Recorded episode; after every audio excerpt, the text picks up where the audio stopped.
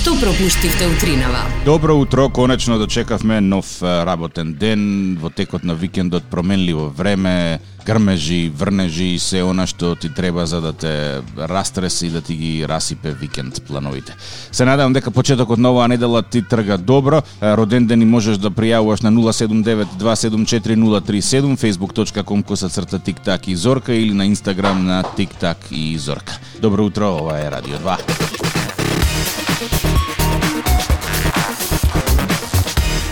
Како си, Зорки? Гледам според ликот кој да ти фали многу сон.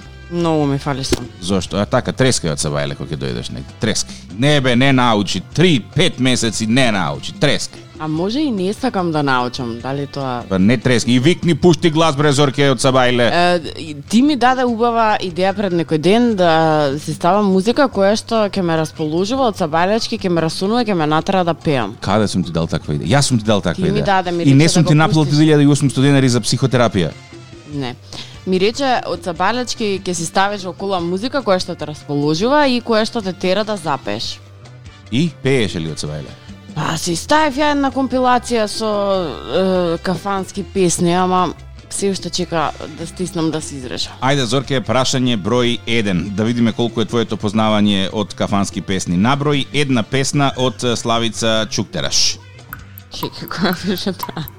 Ау, чекај, знам, знам, знам. Е,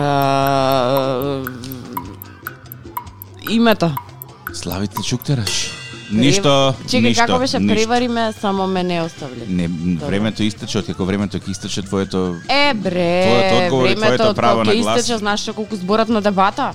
остај ти дебата. Ајде. Е, следна песна. Е, една песна од Шабан Шаулич. Еме утепа. Ми кажи ти, можем ти знаеш. И тебе сам ситка фано. Ау, не Жена ми текна без на сна. Не ми текна на тај. Е, Зорке. И тебе уште- сам ситка фана од Шабана? Не, ама ти не знаеш така да можеш да помине како Шабан, но секој Добро. случај. До, имаш и трето прашање? Па не, види, со две се избрука, така да за третото воопшто нема потреба да видиме какво е твоето познавање на, на, на кафански песни. Ту мислев ќе ме прашаш која салата со какво пиење иде. Очигледно ти фалат е, кафаните. Ми фалат, ама ќе се воздржам Зошто? за некој период. Па, е, овој викенд конечно малку мрднавме, значи конечно. Добро, ајде честито. фала, фала, прво излегување во во 5 месеци и рековме, значи не се групираме со никој, ќе си одиме сами, сами ќе си прошетаме, ќе се вратиме сами. Е, по патот каде што одевме имаше значи неколку кафанчиња, меѓутоа е, никакви дистанци, никакви маски, никакви чуда. Е, реков оди си по патот ќе си пиеме кафе во трева како на пикник. Така да едноставно не се реши. Си донесе од дома кафе за пикникот? Не си донесов си купив. Јас- Сега барем се има. Јас бев во Охрид струга, просто сум изненаден колку беа празни двата града. Беше празно во Охрид. Празно. Мислам, јас не знам што тие сметаат полно за Охрид, меѓутоа ниту имаше гужва од коли, ниту имаше раздвиженост по, Значи, по град, ниту имаше некоја гужва по, по плажите. Вчера дури до Светинаум отидовме, на Светинаум имаше троа поеќе народ, ама град Охрид зорке празно. Празно. Интересно. Кафаните исто така Празно. празнички ми беа. Не е тоа што друг пат наело да биде во Охрид, значи преполно гужва катанга, одма најдовме место за паркинг. Да, ма 40 па јас не го денари го сакам направиле. Кога е полн. Едноставно не можеш да го доживееш како што треба, исто така и струга. Не можеш да го доживееш. Не можеш да ги доживееш. Од друга страна, чув дека во Дојран било Аха, Тутма. дојре на новото Охрид. Да, а, ама знаеш ли зошто? Во Дојран се собираат е, и чекаат грците да ја дигнат рампата за граница и веднаш штом грците ќе дозволат влез, сите од Дојран па право во Грција ќе отидат. А вака од Охрид нема кај да одиш. Албанија најблиску со Албанија што отворена е граница така да кој сега ќе се маткаме во Албанија ќе одиме, немој така да да, да правиш. Не ми, не ми текна дека од дојран чекаат за да одат за Грција. 079-274-037, facebook.com, коса црта, тик-так и зорка. Од денеска во соработка со нашите спонзори, за секој нов лайк на Инстаграм и на Facebook, доделуваме доживотен е, асортиман од дехидрирана вода. Значи, се што треба да направиш е да стиснеш лайк на нашата Facebook или Инстаграм стана. Доживотно? Доживот, значи, доживотно ти, ти, ти, ти, ти, ти подаруваме дехидрирана вода. Се што треба да направиш е да додадеш малку вода и добиваш многу вода. Остани на Радио 2.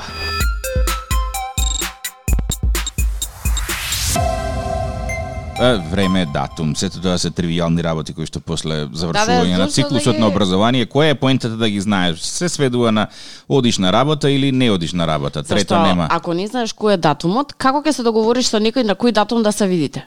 Значи, датумот ќе го договориш, не е проблем. Ќе се видиме на 8 на 9. Кој ден е А, тоа? а ако ти го грешиш тоа постојано? Та да, м, старите римјани измислиле нешто што се нарекува календар. Нешто што јас многу често не користам, а би требало да користам, ама сепак што е што е тука. А, морам да споделам со тебе кратка хорор приказна поврзана со е, угостителството и туризмот во Македонија или е, што би сакал јас да казам, а, казам зошто кај нас гледаш веќе на грцки Зошто? почнав да зборувам за зошто кај нас е, туризмот и угостителството многу тешко ќе успеат. Викендов а, решив да дувнам во Струга, за да не биде Охрид. Поздрав до Битрак, знам дека многу ме сакате и јас вас ве сакам. Реков, ајде ќе одам Струга. Рака на срце очекував дека во Охрид ќе има гужви, јас знам дека Струга нема и ајде Струга нека биде. И Ама, ама провери Охрид како е Бе, сега. проверив, проверив. Ехе. Сега мора да видам, да знам за другиот викенд да се подготвам. И Зорке во петокот во Охрид, во Струга, извини, порачувам капрезе салата. Знаеш што е капрезе? Да, да, да, подлежен че. Домат, моцарела, босилок песто и маслинов зејтин. Значи, не можеш да ја утнеш. Да, да. Па на Мартин да му даеш да ги исече со стојките, ќе ги склопи во нешто што наликува на на на на, на, Салата. капрезе салата. Ја порачувам првата вечер, Зорке, феноменално. Прсти да излезеш. Наредниот ден за ручек во истиот Кашара. ресторан одам, пак порачувам таква салата, ми носат нешто, нема допирна точка со тоа од предходната вечер. И културно реагирам кај келнерот, викам, дечко, те молам врати ја салата во кујна, нема песто. Ја зема дечкова салатата, ја носи во кујна, се враќа после две минути и вика, а господине, нема песто во салатата, има домат, моцарела, е, босилок и зелка. Зелка. Да, значи патлиџаните и крукчината моцарела од некоја причина на растурена зелка, нарендана зелка ги реда, не знам зошто. На ренда. Ај на растурена па ќе разберам. Не, не, на рендана. Не знам зошто, ама не битно. Значи таа собери фрли на страна, не не не интересира. Добре. Е, и се враќа од кујна ми го носи. Тоа е вика, нема вика господине песто, има домат, моцарела, босилок и добро викам. Дечко, кај тука викам сега босилок од тебе, да не го викаме песто, да го викаме босилок? Гледај вика. Еве го. Е, викам, дечко, ај сега и ти викам, и тој во кујна што е, да отворите интернет подитно, викам, и да гуглате босилок да видите како изгледа. А не викам, Викам... си бил тежок гостин овој викенд. Да. А не викам да ми турите тука китка Макдонос и да ми тврдите дека е босилок. Викам, како може вчера да биде направена ова по стандардите? Ами ја не знам кој работел в кујна вчера. Како бе не знаеш вчера кој бил кујна? Прво, точно. Како не знае вчера кој бил во кујна, број 2, ми вика, ами поиќе луѓе работат в кујна. Под број 2, значи, треба да постојат стандарди. Не може во исто гостителски објект јас денеска да добијам е, едно нешто која ќе порачам капрезе салата, утре да добијам нешто трето. Под број 3 велам, капрезе салата е три состојки се упрашање како можеш да ја утнеш. И Келнеров очигледно сака да да влезе во аргумент со мене и ја нака најарогантно што можам викам ја на друг начин ќе го решиме ова. Следниот ден тик-так, нели? Не би бил тик так, Кане ако човек не. порача капрезе салата. Трет пат. Трет пат. И истиот келнер од првата вечер носи капрезе салата.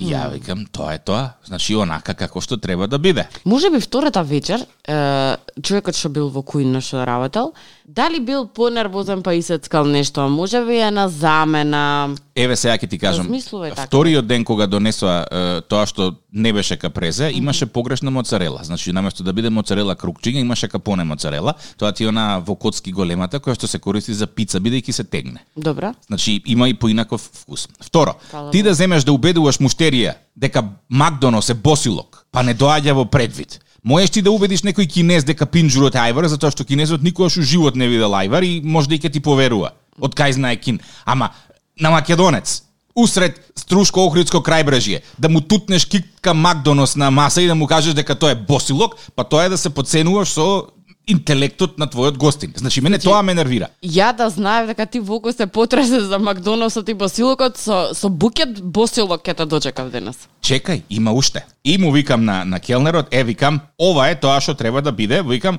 А знаеш ли истиот келнер. Истиот келнер од првата вечер. И викам, е, ова е, викам, капрезе салата. Дали знаеш ти вчера што ми донесоа? И он вика, да, запознаени сме во кујна со проблемот. Викам, сакав слика да видиш? Ако може, ја штрак му ја вадам сликата со китката Макдоналдс, вика може ли да, да однесам на во кујна на шефот да му покажам. Може, викам, да му покажеш на шефот во кујна повели. И може би утренава некој остана без работа заради тоа. Значи не матко. и не ме интересира, треба да, да, да остане без работа ради мојата китка Макдоналдс. Значи не може да му убедуваш дека китка Макдоналдс е босилок. Правило број 1 во угостителството, муштеријата е секогаш во право. А, тоа во некоја друга земја, дека нас никогаш муштеријата не е во право. А ти да убедуваш муштерија дополнително дека босилок е Макдоналдс, па тоа не доаѓа во... Значи, многу е лесно ти да го цитираш менито. Цитирај го менито ако знаеш како изгледаат разните зачини кои што ги, ги ставаш внатре во, во салат. Извини, колку плати за салатата? Не беше скапо, 200 денари. Што е далеку под цената за таква салата во други локации низ Македонија. И ако била цената далеку под цената од други локации, најде да се расправаш за китка Макдоналдс? Хотел со 5 звезди. Е, тука више имаме проблем. Хотел со 5 звезди, Зорки. Не е гранапчен и, и некоја биртија на мама и тато па да се... во Струга и Охрид има еден хотел со пет звезди, сите знаат сега кај. Не, има повеќе, сега поново повеќе има. Повеќе има? Да, о, о, сега мислам дека секој трет хотел во Струга и Охрид си направи класификација Е, со тоа ме интересира. звезди. Кој е тој што оди дава 5 звезди, 3 звезди, 4 звезди, пошто ми се чини дека хотеливе низ Македонија толку многу си ги набилдаат звездите како да можат сами од ракав да си ги истресат. Мислам дека звездите, односно категоризацијата на објекти ја прави некоја комисија која што е во рамките на, на Министерства за, па не знам, туризам, ако има некои такви. И доаѓаат и согласно на некои критериуми ти даваат број на звездички, ама многу често се случува хотеливе сами да си додаат плюс една до, до две звез- звезди, затоа што она што кај нас проаѓа како хотел со три звезди, во светот е хотел со една звезда евентуално. Хостел. Наши хотели со пет звезди се некаде на рангот на хотели со три звезди во светски рамки. Затоа сакав да прашам, имав неодамна едно искуство со хотел со 5 звезди, каде што имаше дупка во собата. Ами тоа Некој бог си удрил во, во собата, ама не може да ти стои тебе нереновирано да издаваш собата. тоа некој муштерија се, се налутил и ја клал раката преку зид, ама не стигнале да ја... Плюс криветот повеќе крцкаше, отколку што седеше мирен. Тоа е тоа кате... Постои проблем со категоризација на, на објекти во Македонија, секој си ги категоризира согласно собственото е, убедување. Само што ова да ти го кажам многу јак момент. Другарка една има супруг, супругата поправи, се што поправи. Значи, што и да види, мора да го поправи, да го чепне, да го подмачка една друга. Не знам кај биле на одмор и вика леле, крцкаше креветот, крцкаше креветот, па вика извади мојов од колалот, од кр кр кр го заштрафи, супер, вика не крцкаше втората вечер. Третиот ден се ваква сијалицата се расипа. А, бе, за една сијалица ќе ги викаме, чекај, кр кр кр, вика сам ја намести. Не знам таму што било расипано, вика се им поправивме, дури они треба нас да ни платат. Е, дали на крај на одморот си побарале попуст на основ Не, верувам, не. инвестициски работи во објект за време на не престой? верувам, мислам дека тој следен што ќе користи собата, ќе му биде вечно благодарен. facebook.com коса црта тиктак и зорка на Инстаграм и на Facebook доколку сакаш прати ни порака на Facebook имаме дискусија околу комарците на истокот кои што и покрај тоа што се прскаше против комарци прават парче. Има коментари од слушатели кои што велат дека и пред да се прска комарците гладни, а вели сега како да се на стероиди ти го маваш, а тој станува и продолжува да те боцка. Па рунда 2. Во Скопје оваа година се подсреди ми се чини ситуацијата со комарците, иако имаше еден период кога беа без контрола. А, ги зауздавме некако ги ги оправивме. Она што е доста интересно е дека оваа година јас не можам да се пожелам откаснување на комарец. Мислам дека од почетокот некаде на пролет, тај да речем. Добро, не се од почетокот на пролет, ама од средината на пролета нели тогаш веќе излегуваат полека полека. Дали еднаш сум касната? Може ни еднаш. Во двор кога ќе излезеш доле ниско во трева не летаат? Па согласно времето, значи некаде кон 8, 8, 15, 20 кога ќе почнам да се стемнува, веќе се прибираме по дома, така што не сум имала такво искуство. Јас И ме чуди кога секое ќе ќе се жалат луѓе дека леле не искаса комарци, викам. Може секое стапнување во двор од колена надоле, значи парче. А да не правиме муабет да отидам на кеј, доцна попладна или пред стемнување, мислам дека се враќам како не знам. Решето, се Од некоја причина ми ја ми ја сакаат крвта, ама ќе ќе преживееме. Мене не. Се, ај сега, знаеш како има тоа една стара македонска поговорка зошто некои комарци не ја сакаат крвта на некоја жена. Не знам. Не знаеш за тоа? Не. Ѓаол жена била, отровкавта Ау! и била. Може за тоа. Стигматизирана си ти Зорке и во македонскиот фолклор и не се секираш. Кога последен пат си била на водно? Ау, не се сеќавам. Одамна беше. Е, оние кои што за сефте одат на водно, не се искачувале по разно-разни планински стази, па дури и по улицата која што води од средно водно до врв, е, не знаат дека е, постои екипа на Црвен крст на водно која што има за задача да бара луѓе по планини која ќе се изгубат, да помага Да. во случај на повреди и слично. Да. Има таква екипа, тоа од сега нешто? Не, тоа е веќе со со години наназад. Можеш да ги приметив се наоѓаат на средно водно над вториот паркинг горе. Добро. Е, има табла Црвен крст и на неколку локации ни средно водно го има нивниот телефон за спасители 072 269 876. Мој совет е сите оние кои што се тазе планинари и немаат некое големо искуство со качување по планини да си го запишат овој телефонски број, затоа што во случај да се изгубат, да настане повреда, да паднат, да скршнат или било што може да се јават кај спасителите кои што ќе им дадат насока како да се вратат или ќе дојдат да ги да ги приберат од таму кај што се. Апсолутно било што ако им се случи може да побараат помош од нив, така? Да, да, да. Дали за повреда, дали да се изгубат, дали не знам да им се случи не дај боже нешто, значи за се може да ги побара. Да, иако спасителиве велат дека многу често добиваат повици од полиција затоа што никој не го запишува тој број, mm -hmm. иако е излепен на неколку локации низ водно, да, дечкиве се долги години таму и очигледно дека си ја бркаат работата. Браво и, и секоја чест за вас. Велат дека Браво. до сега најмногу е, дојави имаат од лица кои се собидуваат да одат на релација водно-матка преку сртот на водно, кој што е браво. пат, а, ако не го знаеш или ако не одиш со некој кој што предходно одел на, на таа рута, голема е веројатноста дека ќе се изгубиш, затоа што има разноразни малечки патчиња, а не знаеш каде да скршнеш, иако горе доле сите ќе те однесат на, на матка, ама се, се случува, луѓе се, се бунат, ќе се изгубат и опцуп, што правиме? Ако не се сеќам ти баш таа патека имаш одено неколку пати. Неколку пати, да, од кој што последниот пат пред две години по температура од 40 степени со по 2 литра вода по човек, кои што не ни стигна, па за малку ќе дехидриравме. Ама се се извлековме. Да слушаме само убави вести, да ги намалиме тие неубавите. Иван прати роденденска честитка, вртиме за 7 минути, остани на Радио 2.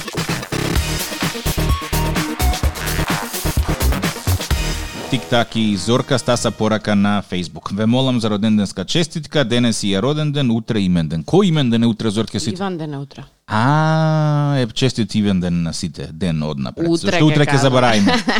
Е, старосватица, многу драга личност, воедно и втора братучетка. Како е тоа можно и старосватица и втора братучетка? Може, ако сакаш и прв вратуче да ти биде кум. Значи не видно. Дури и брат може да ти биде кум ако сакаш. Сериозно? Па да. Тоа е заштеди три во едно, две во едно, четири Секој во едно. викам на свадба, ај, нека. Да, дека доаѓаш на свадба, ај више биди и старосватица, биди и кума, биди се. Ивана. Врти сучи во понеделник, секогаш има проблем да ги најдеме луѓето. Дали се Имаме уште еден. од текот на викендот под импресии се уште па да под напиени па спијат па не се јавуваат Имаме па... уште еден. А, овој пат може да вртиме директ, нели? може може Да, кај Горан вртиме. Така да не можеш да се представиш како Горан. А, војник е во Арама. Добро А честитката моја Ау, чекај, о, звони ова, како се викаше предходната Ивана? Ало, Ало, добро утро, Да. како си? добро утро, добро. Што има ново старо? Нема ништо. Е, вчера пазаревте кај нас. Кај вчера? Ау, вчера во Дуќан кај нас купивте златно ланче со привезок Сваровски? Не, грешка да Не. Абе, грешка. Ивана, така? Да. Е па овој телефонски број го го оставила муштериката, ама сакам да ви кажам, значи тоа златното ланче што ви го продале, всушност ви продале е, изложбен експонат, знаеш, кај нас е, исто како по овие салониве за мобилни телефони, значи тие што се во излог ланчињата и ваквите ја тие се фейк, тие се не се не се златни. Ние ве савуваме да ви ги вратиме парите, Парите. и да ви се извиниме да си одберете што сакате. 10.000 евра во денарска противредност има. Така Само да што да сакате. дојдете со лична карта со сите документи затоа што станува збор за голема сума плюс ние во знак на извинување, значи сакаме и да ви ги вратиме парите и да ви дадеме ваучер да си одберете што сакате. И на вистина ни е жал што ви прода, што ви продадовме тенеќе наместо злато, значи, ама девојчињата ќе бидат казнати што беа на смена, готово, тоа Да. го издискутиравме. Не може вакви пропусти да се прават со клиенти што трошат големи пари кај нас. Значи тоа веќе Ма, да не сте грешка, значи јас стварно не јам никаде купувам. А и а, значи муштариката која што го го купила тоа, оставила овој овој број кај што сега ви се јавуваме како контакт и град пишува. Ивана. Купи злато од дома.мк. Не знам, може сте некоја грешка. И сега вие не сакате да дојдете да го вратите тоа тенеќето ланче и да си земете ново? Значи немам ја ништо добиено. Не знам, грешка сте најверојатно. А е, Ивана кој Се ден? што ќе правиме со овие 10.000 Не евра? знам ќе си ги кидеме на озора. Поделиме. Ќе ги подели. Па што, Што да 5000 ја правиме, 5000 па, ти не, која ако не нека е муштарикава ова да си го земе, да. А Ништо, зошто Иван. никој би остел ваш број, не ми е јасно. Не знам. Каша Не. попар. Нема врз. Не, јас знам зашто оставаат број. Јасно ми. А? Затоа што на Ивана ја роден ден денеска.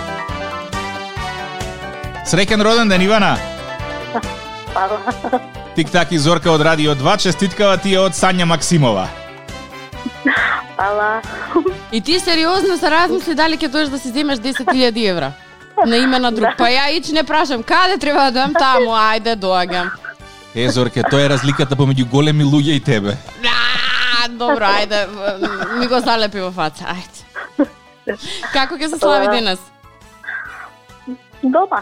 Дома. Ама признај трошаджика си, таква информација добивме. Болам? Добивме информација дека си била трошаджика. А, да. А, да? Значи, може по- поубаво ќе поминавме ако викнавме за на шопинг. Па може да. Со следната година ќе го имаме година, тоа да. во предвид. Ивана, среќен роден ден, има и прекрасен ден, ние се слушаме наредна прилика.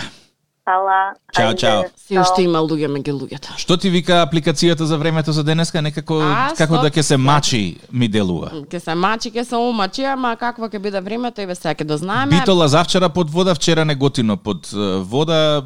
Јас кога се враќав, се враќав преку Битола Прилеп, страшно беше. Е, ке ќе се омачи времето некаде околу 14 часот барам за Скопје, ова така кажува. Ќе имаме врнежи и грмеж некаде до 18 часот, после 18 2 часа стабилно, за да кон 21 повторно имаме грмежи, врнежи и убава некоја температура од 20 степени веќе во 2 часот пополнок. Сакам да ти кажам во превод ќе се спие. Конечно. И синоќа се спиеше.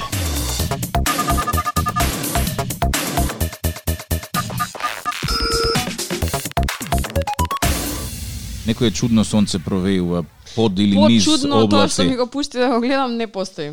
Е, гледавме едно видеоклипче од е, некоја господја во сад која што се пораѓа на паркинг во стоечка позиција. Зорка тврди дека технички е Нема неизводливо. шанси. Нема шанси. А ти ми го пушти со моабетот, хе, ти во приватна клиника во соба сама дрн дрн видео вана паркинг како се породила. Сум, не можеш така да кажеш. Зошто? Затоа што кажи на некоја жена сега 8 сати што е под болки, што треба да се породи, е, е, таа на паркинг се породи, ма ти сте па со се што ќе најде. Добро и твој. Сега ми доаѓа на ум зошто дури во, во приватните клиники, па дури во државната клиника, на прозорите има решетки во родилните соби. Во тој момент мислиш дека се што ќе ти дојде вака фр, сакаш да го фрлиш некаде, така да, добре. М, Не, не Третиот, верувам дека некоја ќе се фрли, ама може да фрли некоја столче у знак на револт. Зошто толку боли? Последниот роден ден за денеска е кај Кај Горан, значи истиот тој кој што ти реков дека не можеш да го бараш под името Горан, мора да си Боби. Ах, јас. Па тие ти се имињата, Горан, Боби Трајче. и Трајче, да. Трајче ритко го користиш. Ало, Ало, добро утро, како си? добро утро, добро. Се е под контрола? И тоа како? Ако доаѓа некој во инспекција, нема никаква замерка да најде. Нема, не. Така треба, не смее да се најде замерка.